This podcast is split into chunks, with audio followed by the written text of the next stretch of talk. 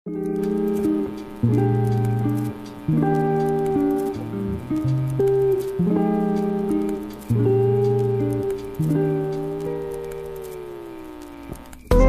warahmatullahi wabarakatuh. Kembali lagi di podcast Aceh Documentary. Uh, kali ini kita masih di uh, episode uh, Wakil Rakyat Ngapain aja. Uh, di sini kita sudah kedatangan tamu uh, Tunku Haji Irawan Abdullah. Uh, beliau adalah Ketua Komisi 6 DPRA. Nah, Assalamualaikum uh, Tunku Haji Irawan. Gimana sehat? Alhamdulillah sehat. Kali buka puasa. Oh kali buka puasa. Uh, ngapain aja ini selama di bulan Ramadan ini aktivitas di parlemen kita ini di Kalau di parlemen kita alhamdulillah pas awal Ramadan kemarin kita ada paripurna. Hmm. Paripurna pengumuman uh, AKD uh, dan pimpinan AKD kemudian langsung lanjut dengan kegiatan reses. Berarti ini sudah turun ke lapangan juga ya? Sudah. Apa aja agenda reses kemarin tuh? Agenda reses kemarin itu kita menghimpun eh, masukan-masukan dari konstituen daripada masyarakat terhadap beberapa usulan-usulan ke depan. Dan memang eh, lebih banyak pembahasannya itu adalah reses itu dilaksanakan dalam bentuk menjaga SOP kesehatan. Oh. Karena dalam kondisi COVID dengan menjaga eh, physical distancing juga kemudian juga menggunakan masker dan lain sebagainya itu di- eh, dibuat dalam reses kali ini yang berbeda dengan reses reses sebelumnya. Berarti ini uh, untuk mengumpulkan informasi dari konstituen lah pemilih di dapil masing-masing ya. Nah ini untuk apa? Untuk penyusunan program COVID itu sendiri atau Pada prinsipnya mendengar semua masukan daripada masyarakat. apa saja Apa gitu ya? saja. Tapi karena memang kita dalam kondisi co- COVID, jadi banyak masukan masyarakat eh, terhadap penanganan penanganan COVID ini yang disampaikan ke kita. Nah, ini ya Tungku Haji Irawan. Nah, hmm, ya di Komisi 6 ah, ini ah, masyarakat juga harus mengetahui ah, Tungku Haji Irawan ini adalah dari fraksi PKS ya. Ya. Dari fraksi PKS ah, beliau dikasih ah, ah, tanggung jawab sebagai ketua komisi. Nah, di fraksi 6 ini dari partai politik apa saja nih yang jadi anggotanya nih, Ustaz? Alhamdulillah sesuai dengan tertib yang ada di DPRA bahwa semua fraksi karena eh, seluruh anggota dewan itu berhimpun dalam fraksi.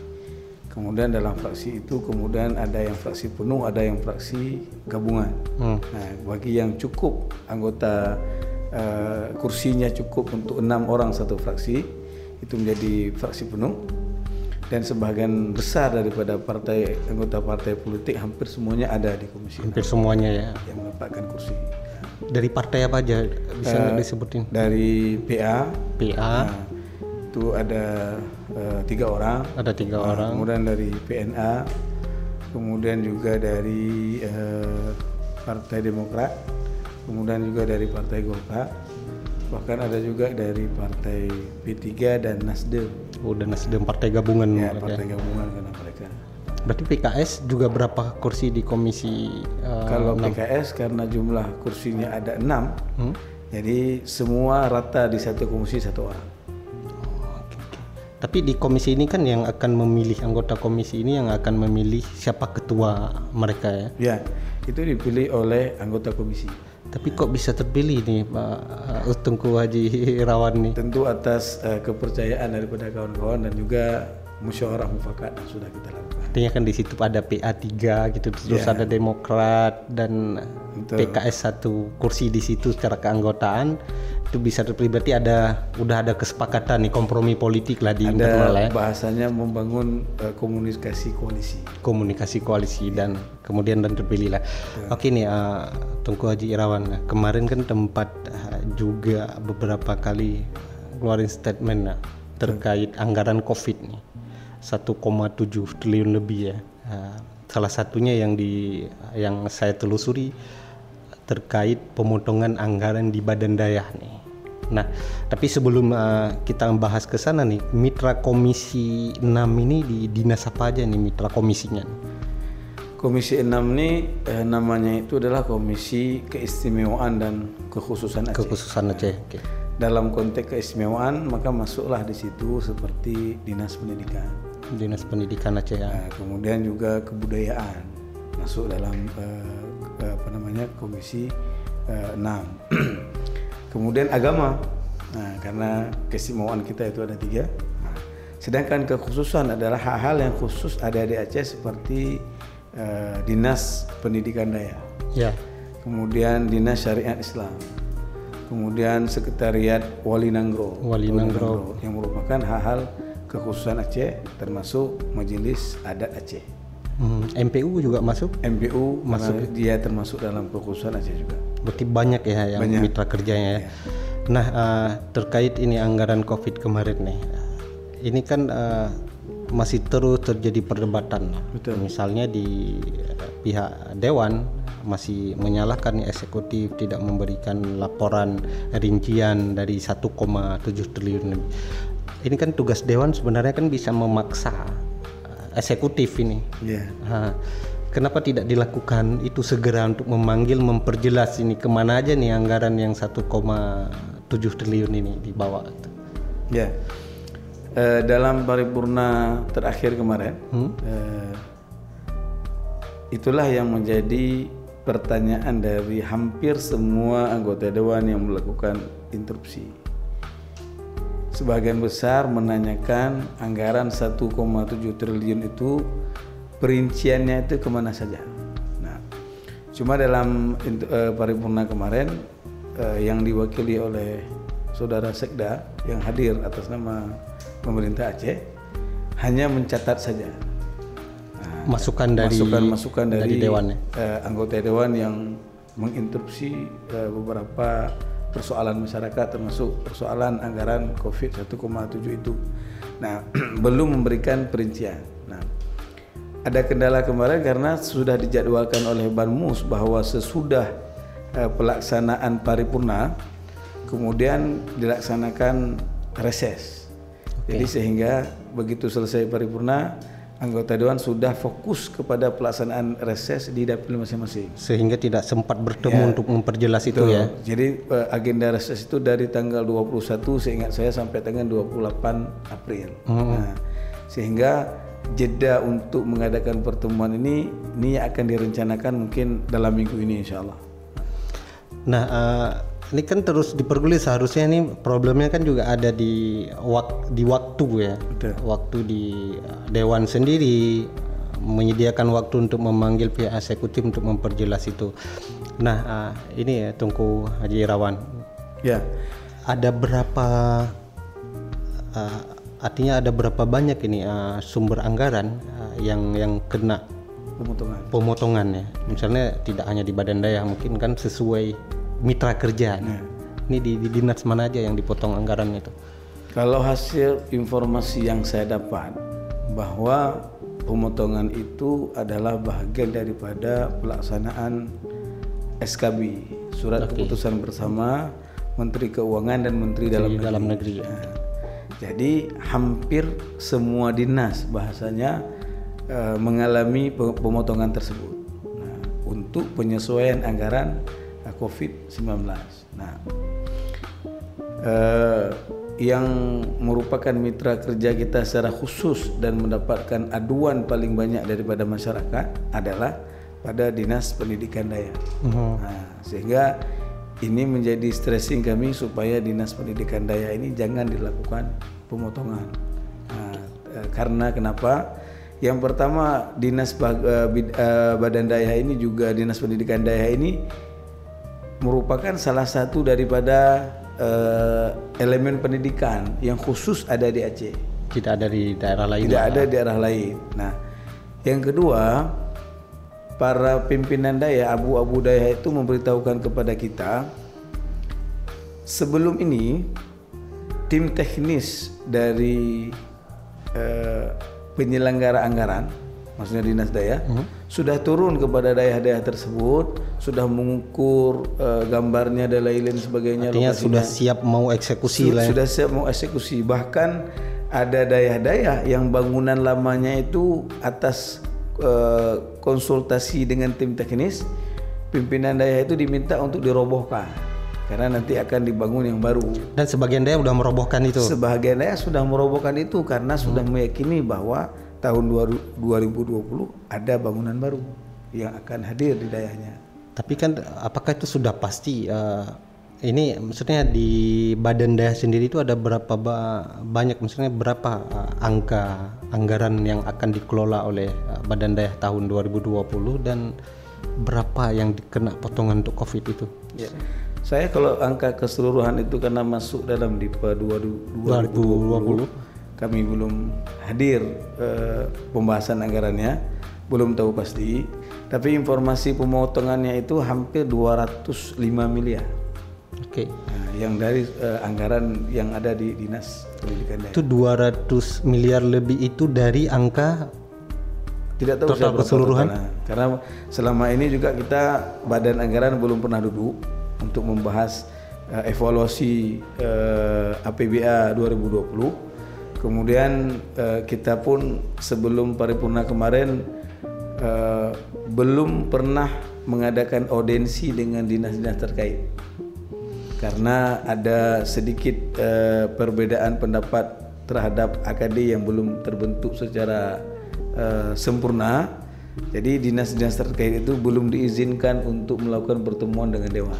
Berarti sampai saat ini nih uh, uh, parlemen atau dewan perwakilan rakyat Aceh ini masih bingung juga ya apa yang akan diawasi nih.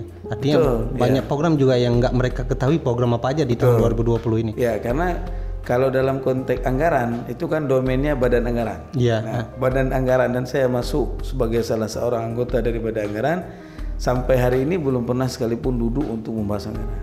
Tapi eh, dokumennya sudah. Dokumennya eh, mungkin bisa kita minta. Kemarin ada permintaan-permintaan yang diminta seperti DIPA eh, untuk evaluasi 2019 tersebut terkenala dengan eh, teknis itu tadi Nah, karena dinasnya tidak bisa hadir ke dewan, hmm. belum diizinkan hadir. Mudah-mudahan insya Allah sesudah paripurna kemarin dan sesudah reses kemarin, ini insya Allah akan berjalan dengan normal. Tapi kan salinannya sebenarnya sudah ada di Dewan kan saat pembahasan paripurna di tahun 2019 Dewan sebelumnya kan sudah mengetok palu dan sudah sepakat lah anggaran satu berapa 17 triliun lebih lah ya, untuk betul. Artinya kan sudah jelas nih apa aja rinciannya. Masa tidak ada salinan dokumen yang tertinggal? Uh, seingat saya idealnya seperti itu. Tapi nah, tidak ada dokumen itu. Tapi mungkin karena ini domainnya adalah domain badan anggaran, hmm? tentu pembahasannya itu akan lebih uh, fokus ketika kita membahas di badan anggaran. Sehingga di teknis masing-masing komisi ini uh, belum meminta uh, anggaran masing-masing daripada dinas-dinas uh, yang merupakan di bawahnya. Berarti sepertinya masyarakat nggak usah berharap lebih ya sama Dewan di saat ini ya, karena juga Dewan sendiri ini masih bingung apa aja nih programnya nih. Bisa jadi, nah, karena kenapa juga salah satunya karena dari awal pelantikan kemarin sampai hmm? dengan paripurna tersebut hmm? uh, kita terkendala dengan uh, persoalan yang saya sampaikan tadi uh, masalah akadi. pengakuan akadi dan alhamdulillah ini sudah selesai. Mudah-mudahan ke depan insya Allah akan berjalan secara baik. Oke, okay, uh, nah nih Ustadz di apa uh, di tengah Covid yang seperti ini nih. Misalnya ini badan daya. Badan daya ini program mereka ini secara umum nih apa aja? Artinya kan bisa ketahuan nanti yang akan dipotong sama pemerintah sama eksekutif lah. Dalam hal ini anggaran apa aja nih yang kena potongan sudah ketahuan belum? Uh, secara terperinci belum. Hmm. Nah, tapi yang kami dapatkan informasi eh, saya juga menghubungi kepala dinas, dinas daya. Eh, pemotongan ini memang sifatnya eh, hampir semua lini, nah, termasuk eh, infrastruktur yang akan dibangun di daya dan honor-honor yang sudah direncanakan dari awal, termasuk honor-honor yang diperuntukkan untuk eh, guru-guru, uh, dewan guru, uh, dewan guru yang ada di daya. Tuh tungku-tungku yang ngajar-ngajar. itu akan kena potongan kemungkinan. Uh, kalau kita lihat daripada skema yang diberikan dalam SKB uh, eh, Menteri Dalam Negeri dan Menteri Keuangan tersebut, hampir semua ini akan kena potongan terhadap termasuk kegiatan-kegiatan pelatihan dan lain-lain sebagainya. Kemudian uh, pengadaan alat-alat uh, kebutuhan kantor, honorarium honorarium, biaya makan minum rapat dan lain-lain sebagainya termasuk juga infrastruktur. Nah, ini Ustadz, ini kita ngomong kekhususan Aceh lah. Uh, dalam hal ini ini COVID lah. Ini kan belakangan nih banyak bantuan-bantuan yang diberikan oleh pemerintah. Diawasi nggak nih sama Dewan? Artinya ini yang dibagi Sarimi ini buat masyarakat. Sedangkan Dewan sendiri kan berprinsip bagaimana uang itu berputar di Aceh. Tapi kalau Sarimi yang dibeli kan nggak berputar di Aceh. Terpikirkan nggak sama wakil rakyat atau DPRA ini? Ya, sebenarnya wacana ini eh, secara kelembagaan dan atas masukan hmm? beberapa eh, civil society hmm? eh, ini sudah terfikirkan. Tapi yang namanya eksekutor itu tetap berada di eksekutif. Yang melaksanakan tersebut tetap di eksekutif daripada pemerintah. Nah, oleh karenanya kita juga menyarankan uh, beberapa kegiatan yang dilakukan itu hmm. sebenarnya harus dilakukan dengan memperdayakan UMKM yang ada di Aceh. Nah, yang jalan, yang saya tahu, yang jalan adalah seperti uh, pengadaan masker Ya. Nah, jadi diminta katakanlah UMKM yang ada di Aceh itu untuk mengadakan masker. Itu karena masker juga sangat susah dicari. Andai kata bisa didapatkan, saya rasa juga UKM itu juga bisa jadi tidak laku. Nah, ya. Cuma yang UKM UKM lain katakanlah terhadap makanan hmm? uh, dan minuman misalnya, uh, ini mungkin karena faktor kebutuhannya cepat dan uh, sangat instan diperlukan untuk dibagikan jadi mengambil apa yang sudah ada. Tapi ini lucu juga nih Rengku Haji Rawan. Artinya ini kan masyarakat sudah memilih wakilnya untuk di parlemen untuk mengontrol apa yang akan yeah. dilakukan oleh eksekutif. Dalam hal ini hal kecil lah, saya bilang tadi Sarimi. Kalau itu yang terpikirkan dewan kan sama juga. Masyarakat juga berbicara itu gitu dalam kehidupan sehari-hari. Mungkin sampai malam ini detik ini masih ada orang yang ngasih kotak Sarimi ini, kasih kotak Sarimi artinya apa nih yang yang sedang terjadi ini sehingga kok terkesan DPRA ini lemah sekali ini posisinya dalam hal pengawasan gitu. Saya harus akui kalau kondisi hmm? itu sekarang yang berjalan sekarang ini sangat hmm? sangat lemah.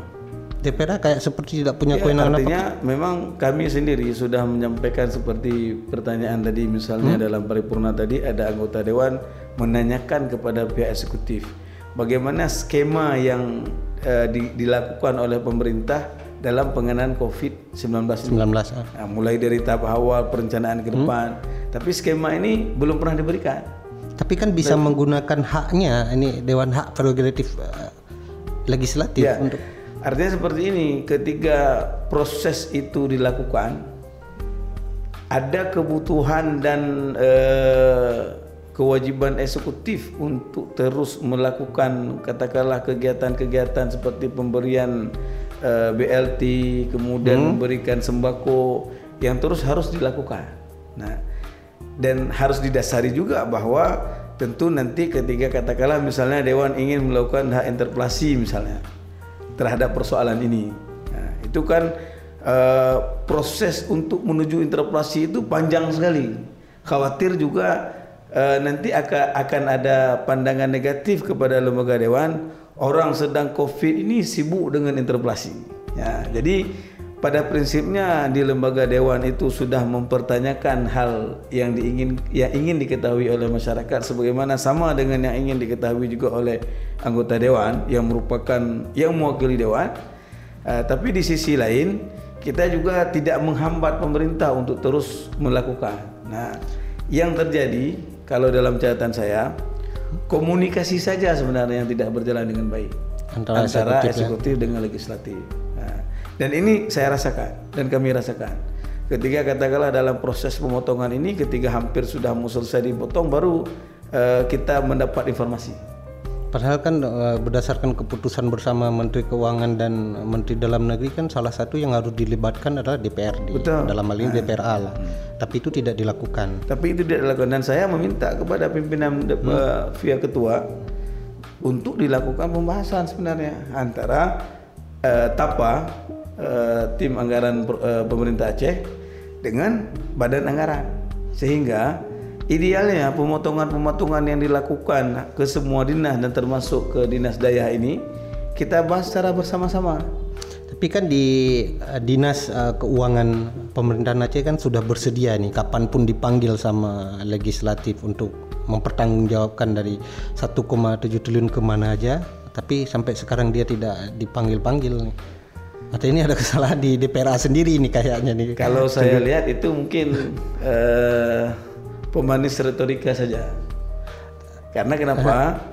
uh, sepatutnya uh, ketika dewan sudah meminta, sebagaimana saya sampaikan dalam uh, yang kawan-kawan instruksi ketiga hmm. paripurna kemarin, hal-hal yang diminta itu sebenarnya sudah harus terjawab secara tertulis terlebih dahulu. Oke. Okay. Nah, tapi sampai saat sekarang seingat saya belum ada jawaban hal tersebut. Mungkin orang dinas butuh jalur birokrasi harus ada surat gitu. Bisa jadi. Tapi itu belum disurat sama anggota DPR. Belum, belum. Artinya kan kalau yang disampaikan dalam paripurna itu kan resmi. Iya. Uh. Bagaikan kita mengirim surat resmi. Dan saya memperhatikan Sekda selaku perwakilan pemerintah, beliau tidak berhenti penanya mencatat terus. Saya dengar dengar ini juga Tunggu Haji Irawan anekdot misalnya di tingkat masyarakat bawah lah dari kawan-kawan. Ini Dewan Perwakilan Rakyat di periode ini kurang ini kurang menarik untuk mengawasi terutama COVID dan anggaran lain. Karena tidak yang pertama ini anggaran uh, pokir ini milik anggota dewan sebelumnya. Apa benar gitu? Artinya ngapain ini seserius itu kita ngawasin gitu? Sedangkan ini adalah titipan uh, dewan sebelumnya gitu. Kalau saya Hah? Memperhatikan hmm. tidak. Kenapa saya berani mengatakan seperti itu? Alhamdulillah hmm. eh, DPRA kita termasuk salah satu lembaga dewan yang ketika Banmus dilaksanakan pertama sekali yang telah mengusulkan dibentuknya Satgas Covid dari dewan. Dari dewan. Bahkan pada saat itu seingat saya DPR RI pun belum terbentuk satgasnya. Tapi di DPRA Satgas itu sudah uh, dibahas dan sudah dibentuk oleh pimpinan. Artinya keseriusan untuk melakukan peng, uh, pengawasan terhadap dana COVID-19 ini serius. Tapi jalan yang ditempuh berliku-liku. Oke. Okay. Nah. Nih ya, Tunggu Haji Irawan. Nah, ini apa aja nih agenda dari Dewan terutama di Komisi 6 ini ya? Apa aja nih dalam waktu dekat ini terkait dalam hal COVID nih, penanganan COVID yang akan ditindaklanjuti nih? Ya. Agenda ini ke depan nih. Kalau agenda ke depan, kalau di Komisi 6 uh, eh, untuk uh, uh, penanganan COVID itu tidak diserahkan lagi kepada komisi. Oke. Okay. Tapi sudah dibentuk satgas yang saya katakan tadi hmm. dan itu perwakilan dari fraksi-fraksi yang ada di DPRA. Berarti ini fraksi yang bekerja ya? Uh, satgasnya. Satgasnya uh, Satgas ya. COVID dari hmm. DPRA. Nah, sedangkan untuk komisi, alhamdulillah karena kita kemarin sudah paripurna pimpinan dan juga uh, anggota BKD, uh, AKD semuanya alat kelengkapan dewan.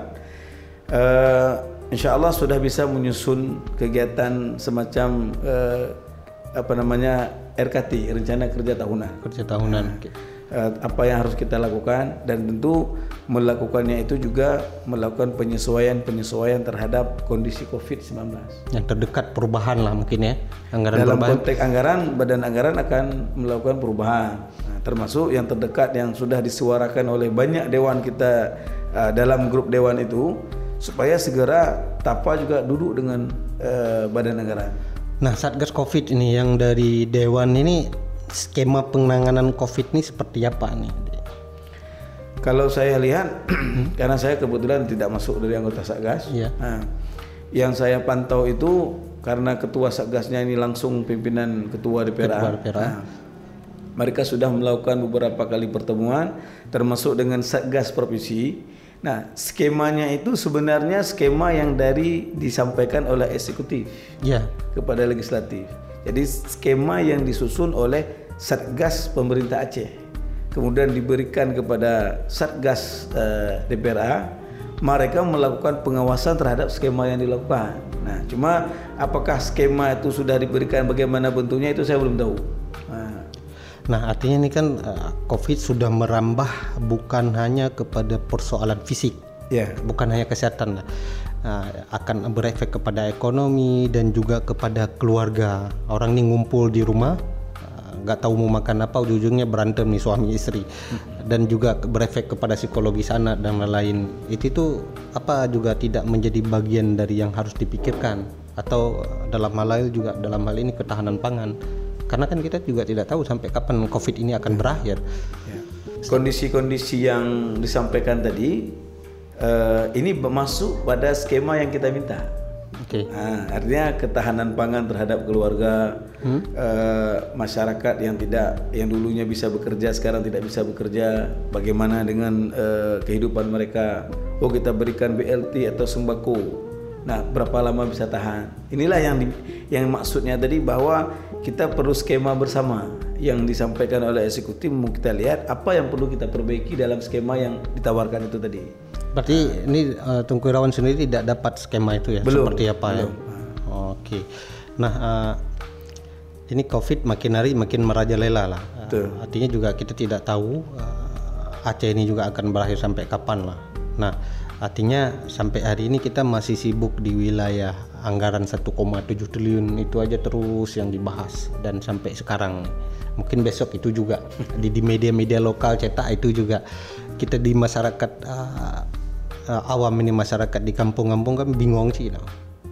Nah, artinya ini apa nih? Kira-kira jalan keluar uh, terutama ini perwakilan rakyat nih di, di di parlemen apa yang harus diperhatikan? Misalnya kan kemarin uh, Tungku Irawan sendiri sudah reses lah di di di, di kampung gitu di masyarakat. di dapil Uh, apa aja nih yang didapatkan dari uh, masukan-masukan dari masyarakat secara konkret gitu. Ya, saya melihat begini. Yang pertama kita memang eh, memberikan eh, terus kepada pemerintah untuk bekerja menyelesaikan COVID-19 ini. Nah, tapi proses penyelesaian ini tentu harus eh, dibicarakan secara bersama-sama. Tentunya dengan kami di lembaga legislatif supaya ketika kita ter, eh, pulang ke dapil kita tahu menggambarkan kepada masyarakat kondisinya seperti ini. Ini akan dilakukan oleh pemerintah.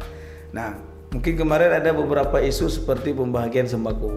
Nah, ada beberapa kepala daerah kabupaten eh, bupati yang tidak eh, bersedia untuk menerima sembako tersebut. Alasannya masa, sebenarnya teknis.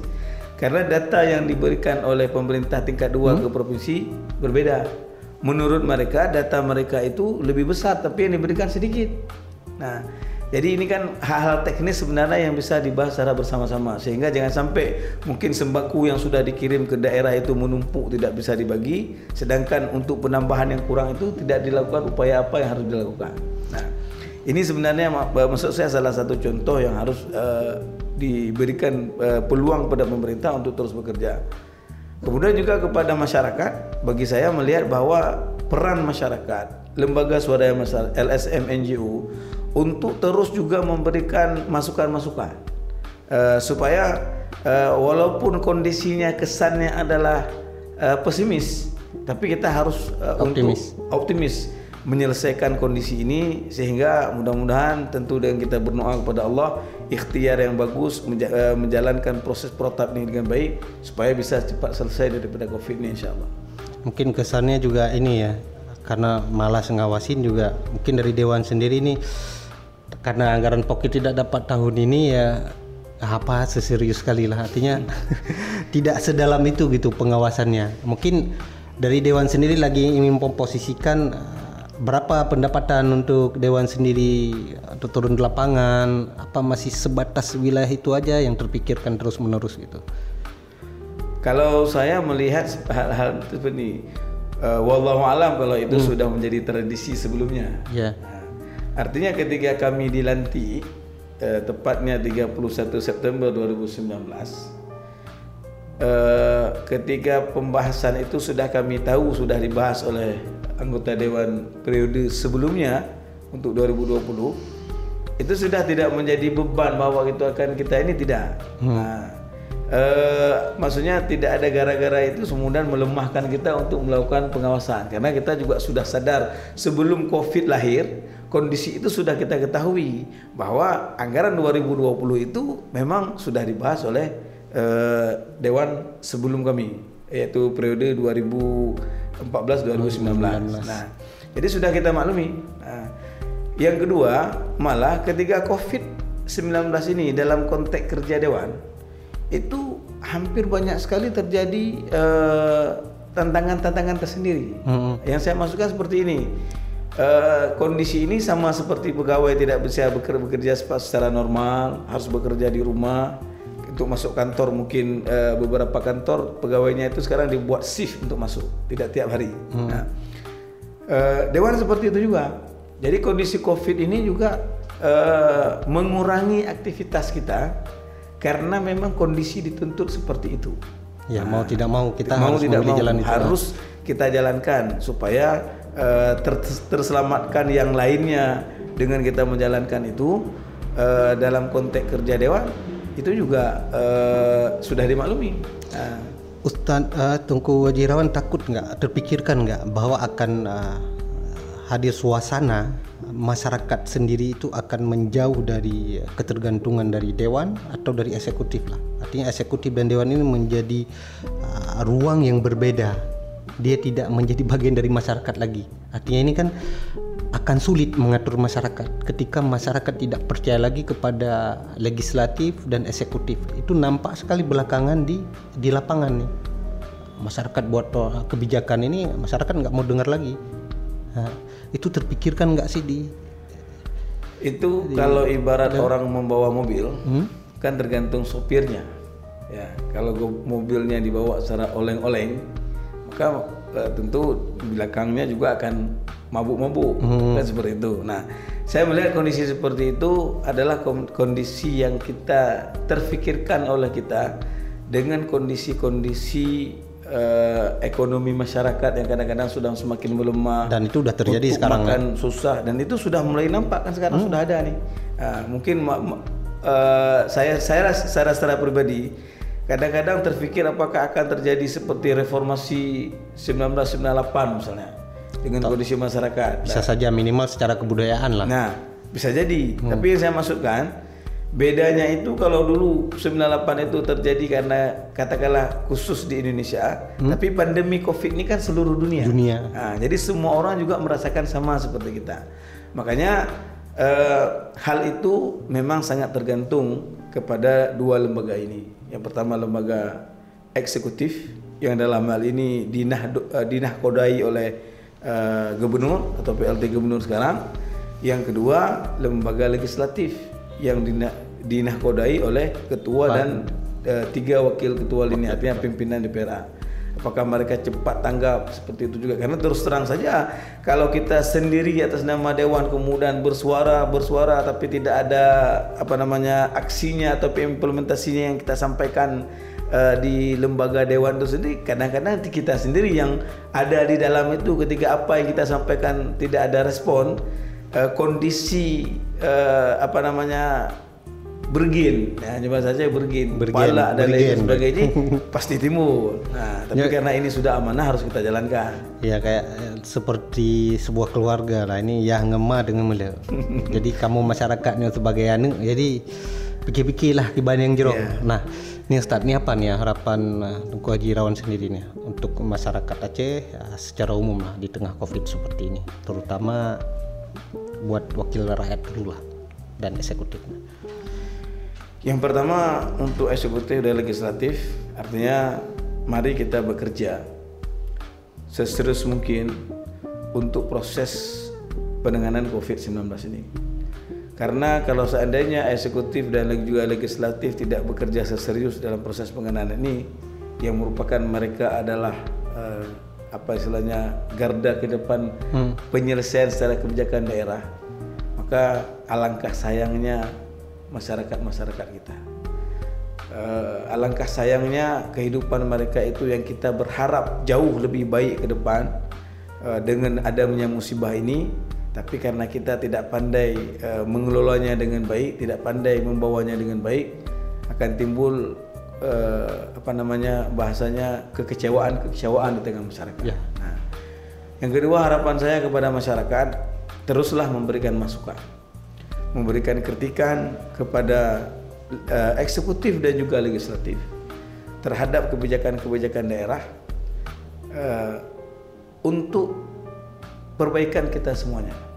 di samping juga katakanlah hal-hal sebagaimana yang sudah kita pahami secara bersama-sama seperti uh, protap SOP terhadap uh, apa namanya COVID-19 COVID ini kita patuhi dengan baik uh, tidak uh, uh, apa namanya berada di kerumunan mencuci tangan menggunakan masker kalau ke masjid membawa apa namanya sajadah sendiri dan lain sebagainya ini kita patuhi juga karena ini adalah juga keselamatan bukan hanya untuk uh, kita, keluarga kita, tapi untuk masyarakat seluruhnya.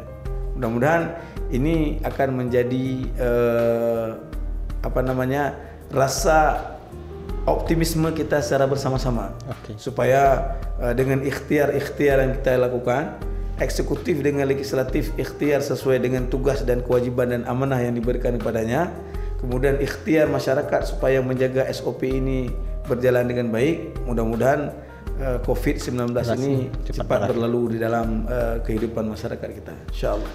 Terima kasih Tunku Haji Irawan Abdullah yang sudah hadir di studio kita.